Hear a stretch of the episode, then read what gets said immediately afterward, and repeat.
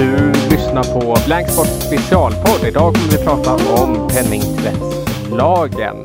Eh, mitt namn är Rasmus Kahnbäck och jag är reporter på Blanksport. Idag har jag med mig Bartosz Stroinski. Eh, du är förbundsordförande för ungdomsförbundet eh, Vi Unga. Eh, och eh, det är en förening som jobbar med att stärka det unga civilsamhället framförallt utanför de stora städerna, eller hur? Ja, det stämmer. Och under de senaste fyra åren, sedan du var 17 år, du är 21 år idag, har du varit ordförande. Jag tänkte idag ska vi prata lite om dina observationer från de här fyra åren, vad du har sett, men vi ska också prata lite om penningtvättslagstiftningen, vad den innebär och vilka konsekvenser den får för eh, civilsamhället. Jag skrev i morse en tweet om att det kan vara det största hotet vi har sett på flera år mot ett fritt föreningsliv i Sverige. Är det en eh, beskrivning som du håller med om så här initialt? Ja, det är svårt att bedöma om det är just det största hotet, men jag skulle säga att det är ett av de större och framförallt att det är ett sånt smygande hot som kanske inte så många ser. Mm. Och det är också någonting som vi har märkt nu när vi, eh, nu när vi på Blanksport har släppt ett par stycken eh, granskningar. Vi har släppt fyra stycken artiklar som jag tycker ni ska gå in och läsa. Det började egentligen initialt med att eh, jag skrev om svensk-kurdiska föreningar. Och det ingångsvärdet där var genom Nato och ser hur eh, kurdiska föreningar eh, nästan förföljs i Sverige. Men eh, med tiden märkte jag att detta handlar inte bara om det. Det handlar om, om någonting väldigt, väldigt mycket större. Så vi återkommer till det alldeles strax. Men du, ehm, du ska avgå som förbundsordförande och du meddelade, meddelade det redan i april. Hur kommer det sig att du sa till så långt innan? Ja, nej men det, det är ju så att jag kanske har sett en väldigt stor liksom, tempoökning av liksom, hur snabbt man skiftar som ordförande i ett ungdomsförbund. Jag har ju liksom, sen jag tillträdde, i princip inte någon kollega kvar sedan den tiden. Och det jag ser är ju att eh, det, den hastigheten kan vara till fördel. Men det är också en stor utmaning för civilsamhället och kan också bero på liksom många påfrestningar på ett sätt som inte, inte är bra för en långsiktighet i en organisation, för att man ska ha en ärlig chans. Och jag, så att jag vill ju helt enkelt ge en ärlig chans till min organisation att eh, hitta en bra efterträdare. Ja men det är jättebra. Eh, framförallt inom ungdomsorganisationer. Jag ska, säga, jag ska vara transparent och säga att jag, jag själv, eh, min bakgrund kommer från föreningslivet. Jag har varit aktiv i Rädda Barnen, i Röda Korset och i en eh, förening som heter Peaceworks eh, som jobbar med freds, eh, fredsarbete ute i världen. Och det är verkligen sådana här saker man kan se framförallt i ungdomsorganisationer. Man byter ordförande varje år eller, år eller vartannat år, mm. vilket blir en stor påfrestning för föreningar med stabilitet och sådana saker. Men du, eh, vi unga. Mm. Vilka är ni? Vilka är vi? Jo, men eh, vi finns ju till för att ge barn och unga möjligheten att eh, påverka sin bygd, sitt lokala samhälle eh, och det gör ju de på sin fritid. Att de ska kunna använda föreningsformen för att om de bor i ett eh, landsbygdsområde där det inte finns en fritidsgård, det inte finns någonting att göra eh, mer än kanske köra runt i sin epa, så får man i alla fall möjligheten att organisera sig, ha en meckträff eller en möjlighet att ha en festival där man utser den coolaste epan. Så att vi jobbar ju helt enkelt för att tillgängliggöra demokratin för unga så att de kan påverka sitt, eh, sitt lokala samhälle, men också liksom omsätta eh, saker i praktiken, lära sig att organisera, så, eh, organisera sig. Och du, eh, var kommer du ifrån? Jag kommer, eh, jag är då uppvuxen i Hälsingland, eh, i Delsbo. Också ett sånt exempel där, där det var just vi unga och Studieförbundet Vuxenskolan som fanns. Men jag är ju faktiskt född i Polen mm. och mm. levde där mina första fem år i mitt liv. Men i, i Delsbo då, hur, hur kommer det sig att du började engagera dig i Vi Unga? Hur, fanns det en lokalförening i, i Delsbo eller hur, hur, kommer, hur kommer man ens in i föreningslivet när man är, när man är barn egentligen? Ja, det är lite så svårt att liksom alltid komma tillbaka till den där första gången för det är lite oklart liksom exakt vilken situation, vilken person som råkade nämna någonting som ledde mig till liksom i Unga och Studieförbundet Vuxenskolan. Det var ju det att SV då fanns med, hade en lokal. Det var ju det enda, det, det, studieförbundet eh, ja, precis hade då en lokal i Delsbo och var ju egentligen de enda som erbjöd en fritid mer än eh, en fritidsgård som var öppen någon dag om veckan. Okej, så det, det, det, det var så man kom in och så var vi unga där i samarbete? Ja, precis. Och det är ju liksom kontakten med, med den lokala närvaron som gjorde att jag blev tipsad av SV att liksom engagera mig i Vi unga. Och så blev det den vägen. Ja, det låter som eh, det är ett naturligt sätt att komma in också. Eh, men du, innan vi kommer in på de här frågorna tänkte jag bara ta en liten bakgrund och så får du fylla i sen lite eh, också. Så att penningtvättslagstiftningen, det är ett ganska osexigt ämne om man ska uttrycka det så. Men det är ett ämne som verkligen påverkar oss i vår vardag och det är inte bara inom föreningslivet utan även privatkund, eh, privatkunder hos banker och så vidare. Eh, och, det är, och det är en eh, när man pratar om det på myndigheter så är det nästan som om det är ett, en upplevling på, den, på staten. Alltså att här, det, det förändrar hur man ska se på eh, finansiella transaktioner mellan eh, kunder, föreningar, företag, utlandsbetalningar och så vidare. Och det, på, och det påverkar också hur vi kollar på terrorlagstiftning och så vidare. Så att eh, det, kommer från ett eh, dekret från EU-kommissionen från 2015 till att börja med. Eh, och eh, sedan tog det ett par år, 2017, när vi införde den första uppdaterade penning, eh, penningtvättslagstiftningen i Sverige. Samtidigt som detta skedde hade vi terrordådet på Drottninggatan och man hade en ganska skyndsam eh, process därefter för att uppdatera terrorlagstiftningen. Så de här två processerna när man har kollat på den här uppdaterade penningtvättslagstiftningen och terrorlagstiftningen har gått parallellt med varandra. Och de har ganska mycket med varandra mm. att göra. Eh, 2020 brukar jag prata om är ett eh, lite bru brutår kring de här frågorna på grund av att då fick vi in en ny terrorlagstiftning i Sverige, en uppdaterad version mot de som vi hade tidigare från 2010 ungefär. Um, och eh, penningtvättslagstiftningen gick då ut, eh, eller EU-kommissionen gick då ut och sa att vi behöver faktiskt kolla över den här penningtvättslagstiftningen ytterligare. Hur, hur ska vi kunna granska så att transaktioner går dit de ska och att vi har koll på de pengatransaktioner som sker i världen som inte finansierar terror. Och då var det framför allt eh, hotet i Mellanöstern mot eh, Islamiska staten man pratade om. Um, och eh, sedan uh, hade man det ute på remiss bland, uh, bland de olika medlemsländerna i EU och kom fram till ett förslag som då infördes den första januari 2023 och då fick vi den penningtvättslagstiftningen vi har idag tillsammans med en ny terror, eh, ännu en ny terrorlagstiftning som vi fick eh, som, in, som eh, trädde i kraft nu första juni i år. Konsekvensen av det här har ju blivit att bankerna är de som får tillämpa de här lagarna. Och här har vi ett problem och det kan vi se i de granskningar jag har gjort att när jag försöker ansvarsutkräva ministrar så hänvisar de till penningtvättslagstiftningen från EU-kommissionen men de säger också att det är Finansinspektionen som ansvarar för tillämpningen av penningtvättslagstiftningen. Finansinspektionen i sin tur, de, de har outsourcat, outsourcat den här tillämpningen på bankerna. Eller egentligen de som gör finansiella transaktioner, vilket är 99,8 procent utav fallen bankerna. Bankerna ska i sin tur tolka då den här penningtvättslagstiftningen som införts eh, tolka och tillämpa den. Men de har inte det stöd och de rutiner som krävs för det här. Så i slutändan är det ju kunderna det går ut över. Och när vi pratade om, eh, när jag sa i början att det kanske är ett av de största hoten mot föreningslivet. Eh, så det, det, är det vi ser eh, idag och jag ser att du sitter här med en rapport från Giva Sverige eh, om just det här. Mm. Vad är dina reflektioner på det jag säger? Ja, nej men det, det är mycket som man kan tänka på just kring det här och det som är så spännande med penningtvättslagstiftningen som du säger, det är ju liksom hur eh, den egentligen i grunden vill komma åt ett samhällsproblem som vi alla kan hålla med om är en utmaning. Det är ett problem att penningtvätt förekommer. Och det är ju liksom ja, ganska naturligt att ja, efter den andra halvan av liksom 2010-talet då det var liksom granskning på granskning på granskning som visade på att ah, det är pennat, penningtvätt lite här och var överallt så att säga. Eh, så, så, finns det ju såklart en anledning för att liksom skärpa upp en lagstiftning och framförallt se till att det inte, inte ska förekomma. Det är ju liksom det som någonstans man vill komma åt med det här. Men eh, det har ju också haft, eh, men det påverkar ju i praktiken på ett sätt som man kanske själv inte riktigt skulle reflekterat över.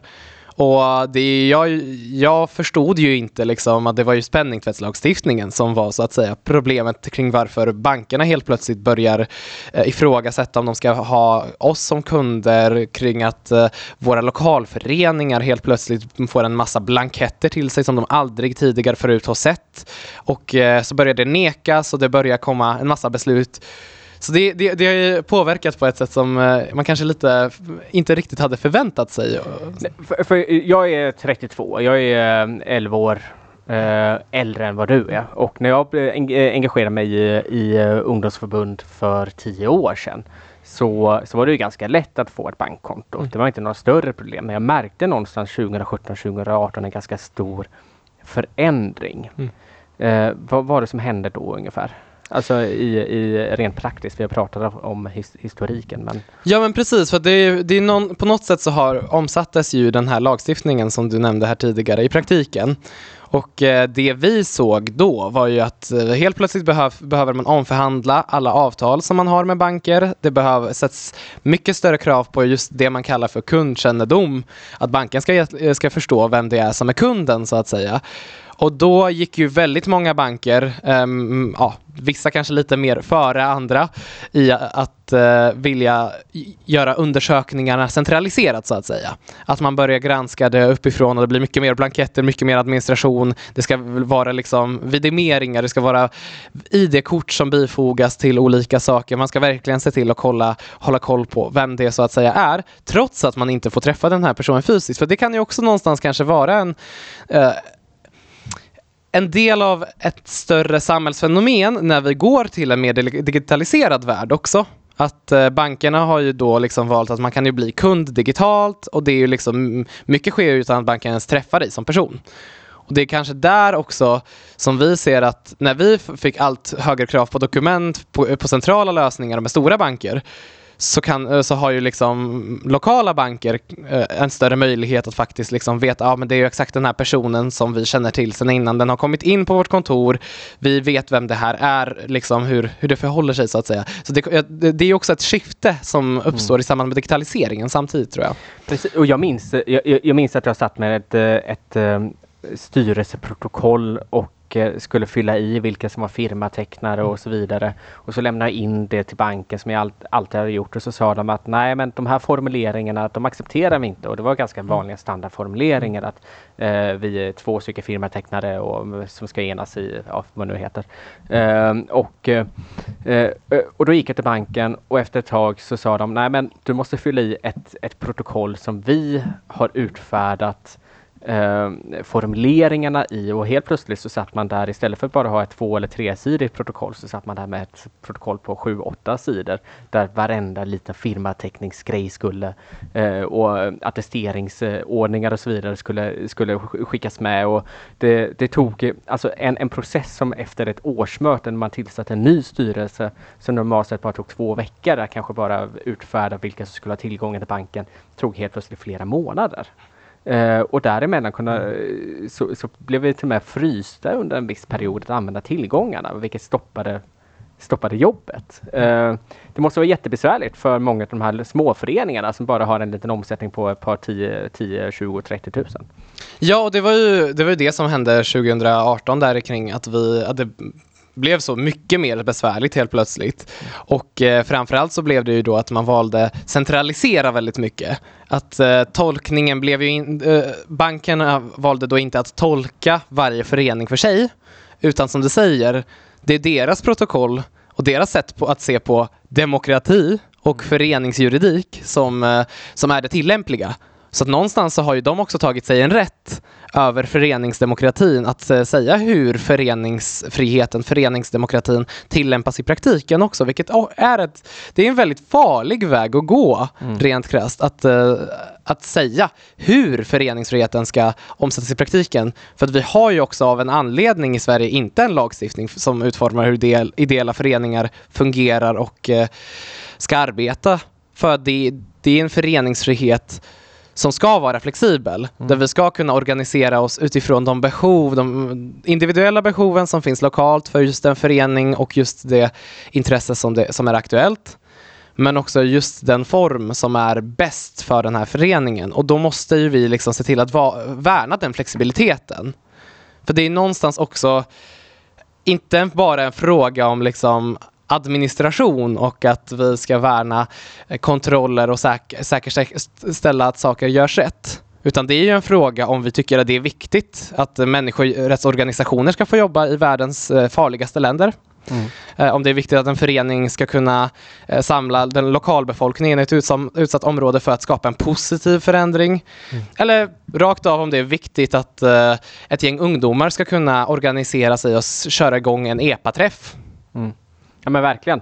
Och, och, om, vi, om, vi kollar på den, uh, om vi kollar på de trenderna vi ser hos civilsamhället är ju att det blir mindre och mindre engagemang. Och det, de här rapporterna som jag ser att du har skrivit ut, som, uh, de, de, visar ju också att det är fler och fler som säger att det jobbiga med engagemanget är just administrationen. Mm. Hur påverkar det i praktiken? Alltså vad, vad, har, du några, har du något exempel på föreningar där det, där det kanske till och med varit förödande för dem?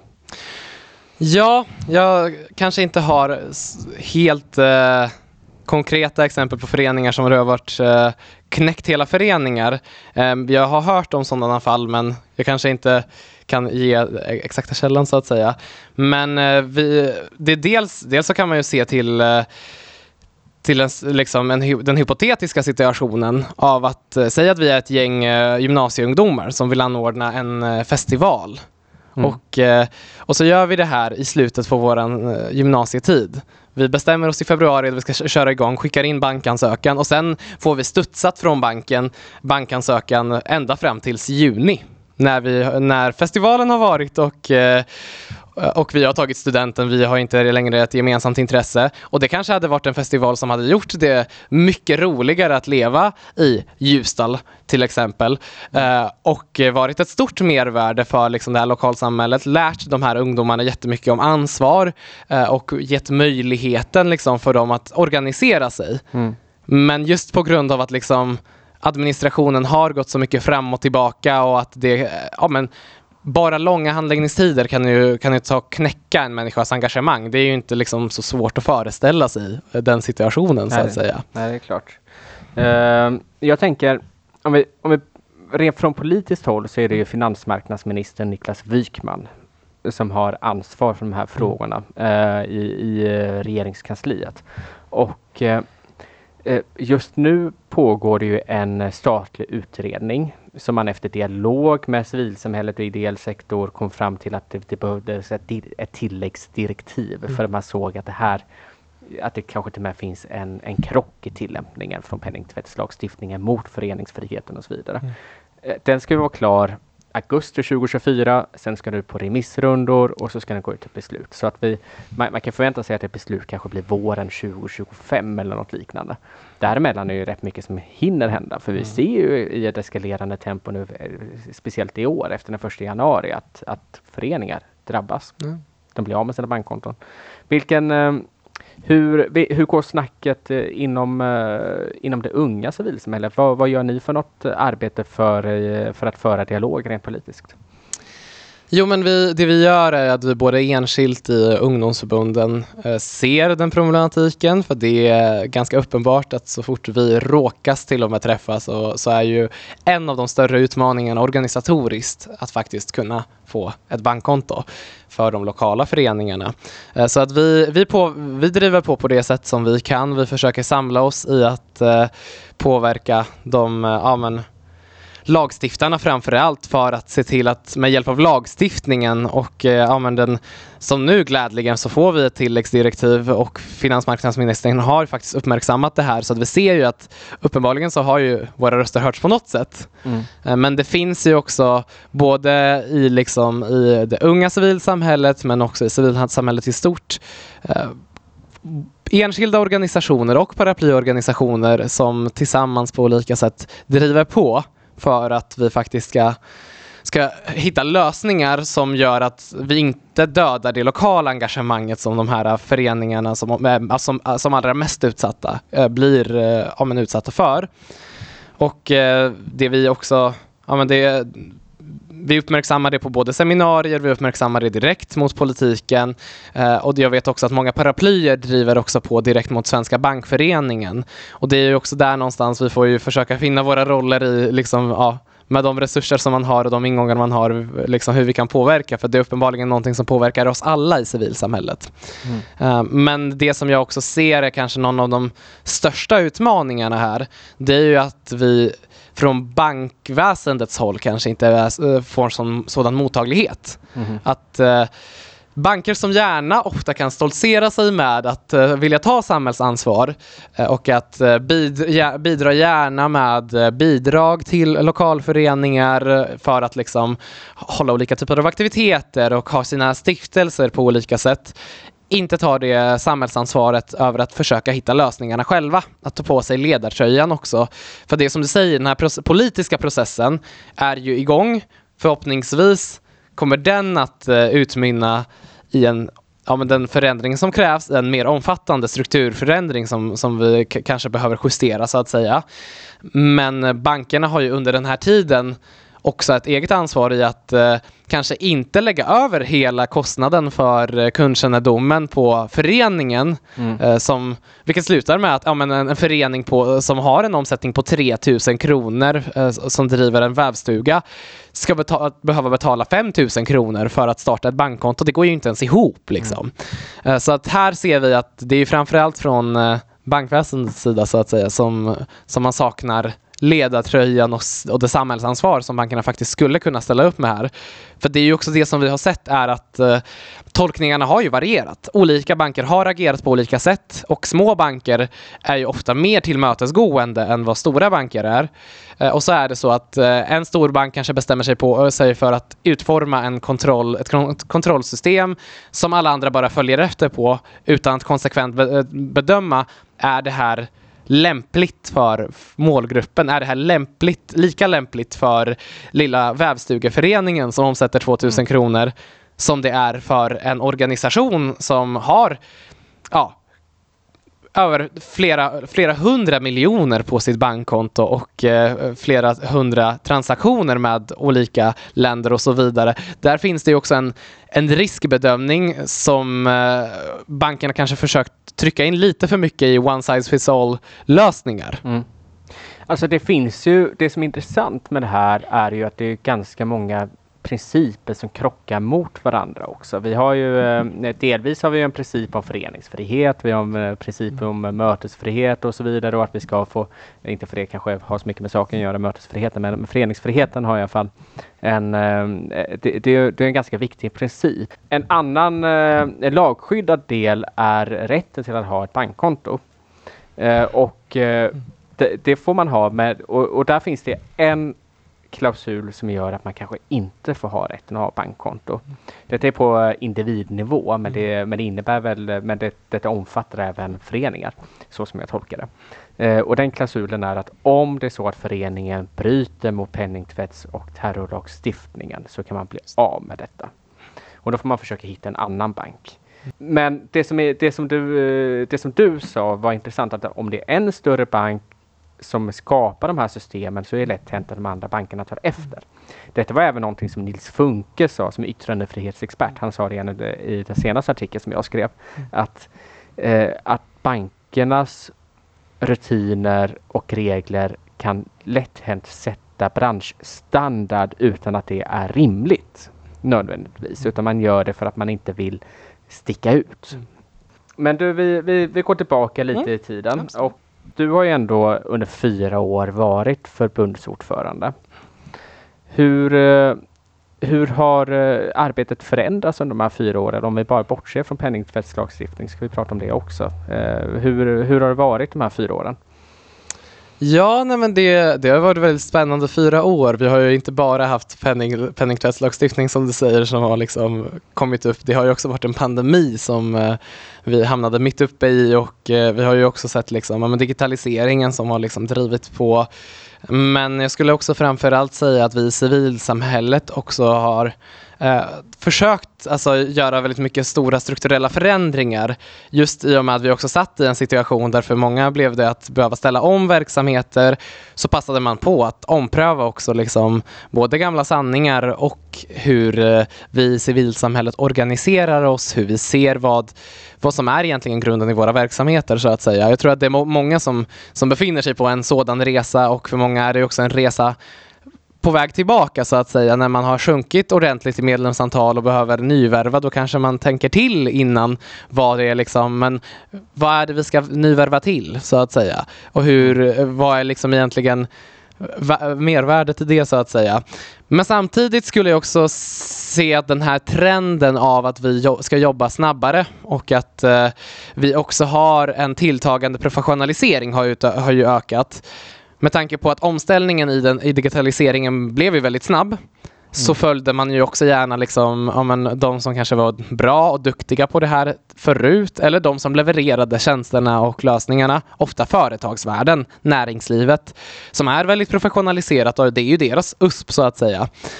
Och där ser jag väl också att eh, de kraven och liksom den här eh, stora kravet på att allting ska bli så bra som möjligt, vilket är jätterimligt att man gärna vill sträva dit. Men om vi ställer det som ett krav och eh, stä börjar ställa helt orimliga krav på varandra som människor och till exempel då som ledare, som förbundsordförande för ungdomsförbund, eh, så riskerar vi ju också att eh, tappa grundkärnan, kärnuppdraget, kärnverksamheten och riskerar att tappa och knäcka människors engagemang och liksom hållbarheten i det. Och där tror jag också att liksom parallellt i att liksom eh, vi har fått krav på oss från eh, näringsliv, från stat på olika sätt. Vi befinner oss i liksom ett allt mer tilltagande kontrollsamhälle, trots allt, de senaste åren. Så har ju också vi internt börjat ställa allt högre krav. Och då hamnar vi någonstans i en situation där liksom föreningarna och människorna i, där i mitten som utför saker eh, får så oerhört mycket orimliga krav på sig så att ja, man, man vågar inte prioritera, man väljer inte att prioritera, man kan inte prioritera. Och det slutar ju då med att eh, människor, kan, eh, människor bränner ut sig, organisationer tappar bort sig i vad som är grundsyftet och det blir ja, en utmaning. Det är ju helt enkelt det är orimligt rakt av att vi ska sätta vissa av de här kraven. Att vi har, mm. gått, nog, vi har gått för långt också i, den, liksom, i de kraven som, vi, som har vuxit upp under senare tid, både externt och internt. Precis, och det, det tänkte jag också mycket på nu när jag var inom föreningssverige eh, under många år. Att det, att det har verkligen ökat de här eh, kontrollfunktionerna eh, både utifrån och inifrån så att säga, för man vill ha mer koll.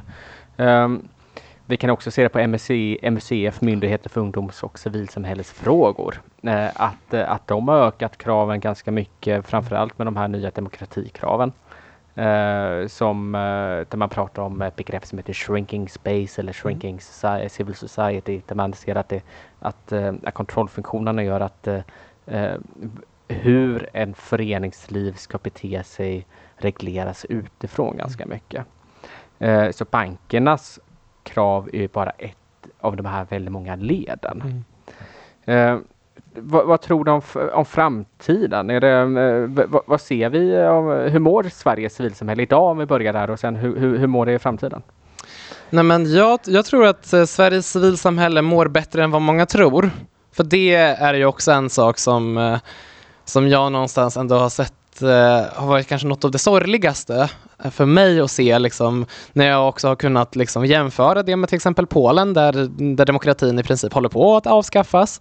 Och eh, där civilsamhället absolut inte liksom har hunnit växa, växa fram under den här uh, korta tiden, relativt korta tiden. Det är ju ändå hela min livstid plus lite till som Polen ändå har varit en demokrati. Mm. Med att uh, sven, de, de, svenska liksom, civilsamhället och det som vi har byggt upp och den verks fantastiska verksamhet som sker varje dag är värd oerhört mycket mer än vad vi låter den ibland tillskrivas. Att vi, vi själva också bidrar till att eh, nedsätta den liksom, eh, värdet av den verksamhet som vi själva bedriver och eh, kanske inte inser hur pass, hur pass viktig den här vävcirkeln som eh, kan ganska lätt kritiseras för att bara vara några tanter som, eh, som sitter och fikar eh, betyder något oerhört viktigt för både dem som personer, som individer, men också för samhället att kunna bidra till ett bättre demokratiskt samtal, till mötesplatser som kanske inte hade uppstått annars, till, att, till en ökad tillit framför allt.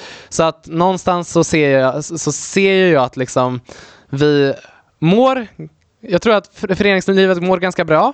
Vi är i en omprövningstid. Jag tror att vi kommer, eh, många föreningar, organisationer, eh, små som stora i alla dess former, vilket också är det fantastiska, kommer att ompröva våra identiteter, vilka, vad det är vi är till för och kanske bli lite mer kaxiga och jag tror att den väg jag önskar att vi går, det är ju att vi vågar vara kaxiga. Att vi vågar sätta ut vad som är våran särart och inte kanske bli alldeles för breda.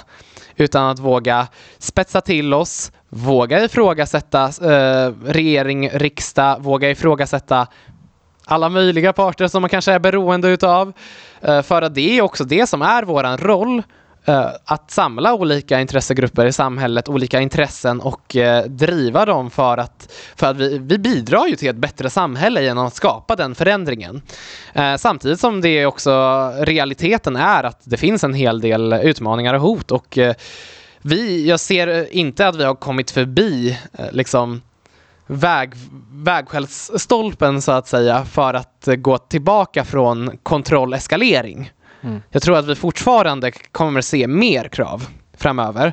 Och en del av dem är rimliga, men det finns en hel del både i, i det här exemplet med penningtvättslagstiftningen, i hur myndigheter eh, väljer att eh, tvinga föreningslivet till att anpassa sig till deras sätt att se på hur föreningslivet borde utformats. Det är ju inte myndighetens roll att eh, säga detta. Mm. Och eh, ja, Ja, men även all, alla diverse övriga kontroller i bidragsgivning med mera, med mera. Det finns ju så många olika saker som vi är beroende utav.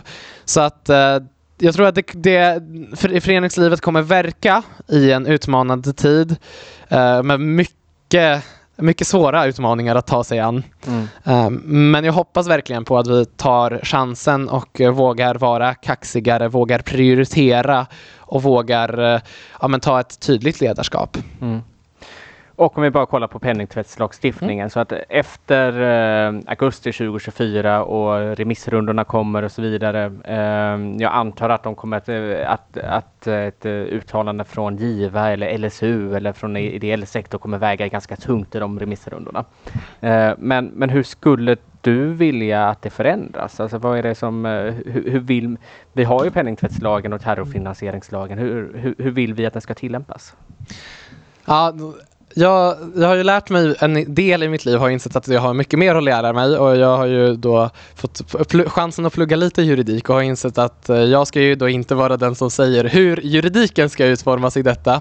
Men eh, det viktiga är ju att eh, vi ser till att återgå till att ja, men, bankkontot är ett grundläggande verktyg att det är en rättighet så att säga. Vi måste ju se till att liksom kraven är rimliga och att de är utformade så att de utformas på ja, tillämpas på olika sätt för, utifrån den risk som finns. För det, man måste ju ändå erkänna att det såklart finns en lägre risk med färre transaktioner och väldigt lite pengar än flera miljontals transaktioner och miljontals pengar. Mm. Att vi måste ju se till att uh, bejaka det.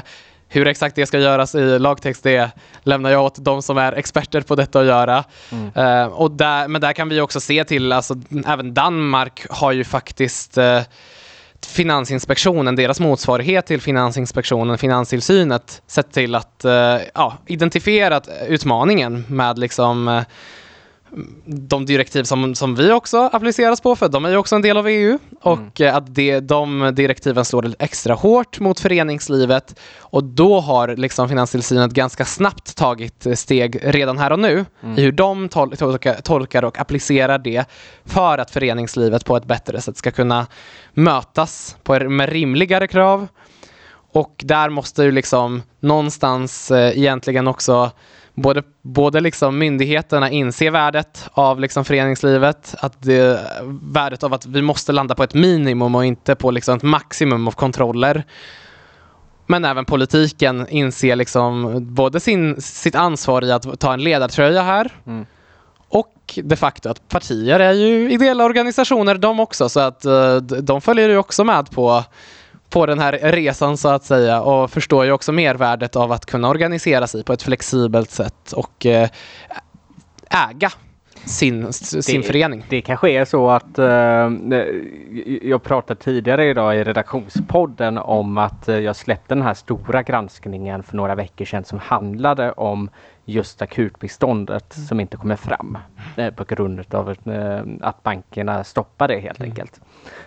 och den blev inte så himla väl delad. Mm. Möjligtvis inom civilsamhället men inte, inte brett. Mm. så jag pratade och, och i veckan släppte vi en granskning som handlade om hur medierna drabbades också. Mm. Att, eh, att bankerna inte bara misstänkliggjorde privatkunderna utan också mottagaren. I detta fallet var det svenska medier, Arbetaren och Dagens ETC. Eh, och den blev jättedelad. Mm. Och, blev, eh, och har blivit eh, årets mest lästa text på Blanksport. Eh, så att det kanske är så att när, när det drabbar en själv mm det är kanske då man märker hur akut detta är och jag hörde jag fick ett tips i samband med detta att eh, flera lokalföreningar inom Vänsterpartiet haft problem. På, eh, mm. Alltså mindre mm. lokalföreningar. Mm. Detta kommer vi säkert se inom socialdemokratin, inom Moderaterna, inom Sverigedemokraterna och så vidare också i, i framtiden. Eh, och det kanske är då politikerna förstår att nu måste vi agera, vi kan inte vänta till 2025. Mm. Ja men så, är det, så tror jag verkligen att det är och det är ju det är lite sorgligt att vi ibland behöver liksom få någonting intryckt i ansiktet på oss för att inse faran och eh, hotet som, som vi hade kunnat förutspå abstrakt så att säga mycket tidigare och som faktiskt också finns där sen innan. Och det du också nämner, det här med att det finns, eh, redan finns föreningar inom partier som, som har utmaningar och problem med det här. Vi vet ju också att uh, i samband med att Nord och Giva Sverige har tittat på detta så har ju studieförbundet Ibn Rushd vittnat om att uh, särskilt muslimska föreningar också och församlingar får utmaningar med att ja, men nekas bankkonton rakt av, att banken inte tar emot den typen av kund. Mm. Um, och likväl att personer som är anknutna till de här föreningarna, de här församlingarna också blir nekade privatlån som, eh, som privatpersoner för att de har koppling till en av den typen mm. av föreningar. Så det är ju verkligen när det liksom slår nära hemma så att säga som det börjar brinna som man eh, börjar inse att vi behöver liksom släcka den här branden. Och där har ju liksom, där tror jag också att mycket mycket kommer ju också väckas i samband med att eh, många av föreningarna som fortsätter liksom löpande, som är väldigt närvarande, också kommer stötta på det här ännu mer. Att just de här lokala föreningarna där ja, majoriteten av vårt samhälle är ju engagerade i en förening på ett eller annat sätt. Hur pass mycket? Det är ju väldigt olika. Men, eh, men att inse hur bökigt det har blivit och eh, börja förstå vilken utmaning vi sitter på här så, så kanske det, det i liv också. Eh, faktisk uppmärksamhet kring detta. Bra. Jag tänkte också bara, du, du avgår nu i november. Mm. Eh, vad ska du göra sen? Ja, nej, men jag har ju sagt tidigare att jag har ju, om det är någonting jag har insett att efter fyra år i en ledande position i ett ungdomsförbund nationellt, det är ju att eh, jag har lärt mig oerhört mycket och jag trodde när jag kanske gick in att jag kunde mer än vad jag gjorde. Uh, och uh, jag har ju så mycket mer att lära så att jag ska ju faktiskt vidare och plugga uh, antagligen sam samhällsvetarprogrammet på Uppsala universitet till hösten. Mm. och, och sen är det ju också så att jag även är aktiv i Studieförbundet Vuxenskolan i folkbildningen som också har många st stora både utmaningar och möjligheter för, framför sig. så att jag tänker att trappa ner lite grann på förtroendeuppdragen och fokusera på lite annat men ändå ändå vara med i liksom, ja, men den, den viktiga kampen för folkbildningen. Jätteviktigt och det vore ju trist om du lämnar eh, civilsamhället helt och hållet. Bra! Tack så jättemycket för det här. Det var ett mm. Eh, bra samtal och jag tycker vi ringade in utmaningarna mm. och även kollade lite på lösningarna så att jag hoppas att ni uh, lyssnare också tyckte om det. Det här är ju en uh, Blanksport-podd vi är helt läsarfinansierade och tar inte emot eh, extern eh, finansiering från institutionella givare. Det innebär också att eh, vi jobbar hårt och eh, vi vill göra bra journalistik och vi behöver era bidrag för att kunna fortsätta med det här. Så att gå gärna in och prenumerera på oss eller prenumerera på vårt nyhetsbrev och det kan du göra på vår hemsida. Så tack så jättemycket! Tack!